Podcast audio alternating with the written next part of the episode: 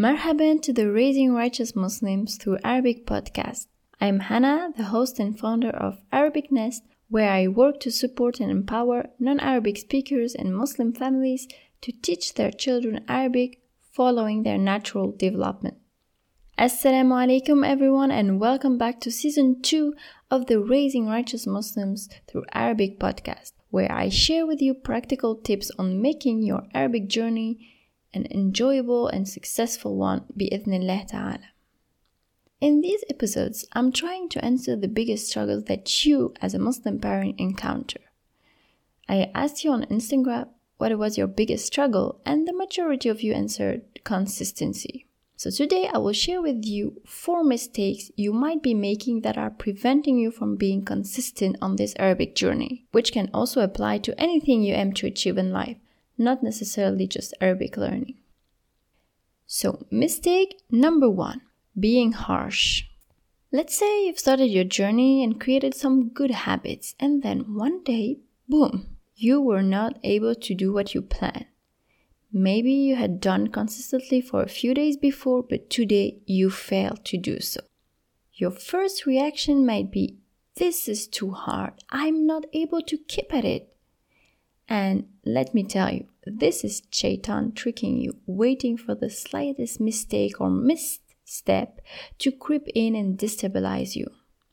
Now, if you let him win at the smallest struggles, you will give up easily. Be gentle with yourself instead. We are only human and we cannot give our 100% every single day. Reflect and see if this slip was just a normal and temporary slowdown or if it has a deeper root, an underlying cause. And this also applies to your child, by the way. Mistake number two wanting too much too fast. Wanting to achieve great things is good, but going about it the wrong way isn't. If you're obsessed by the greater picture constantly and do not manage to see the little steps it requires to get there, you will end up doing nothing.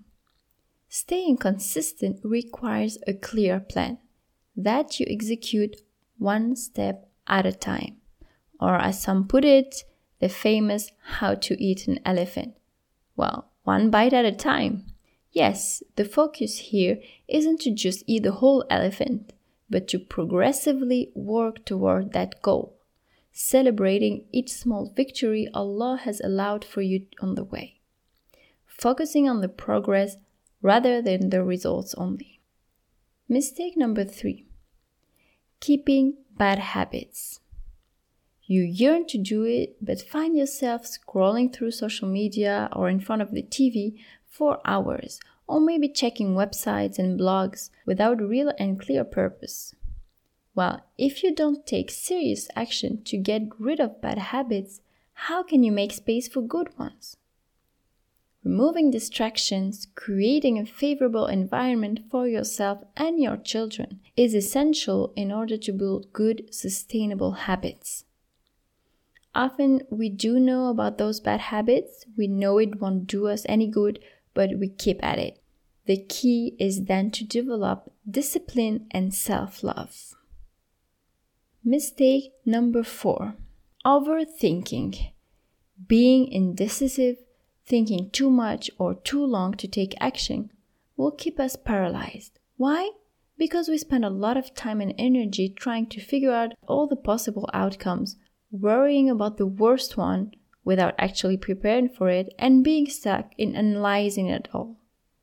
You are so scared of doing the wrong thing that you end up doing nothing at all.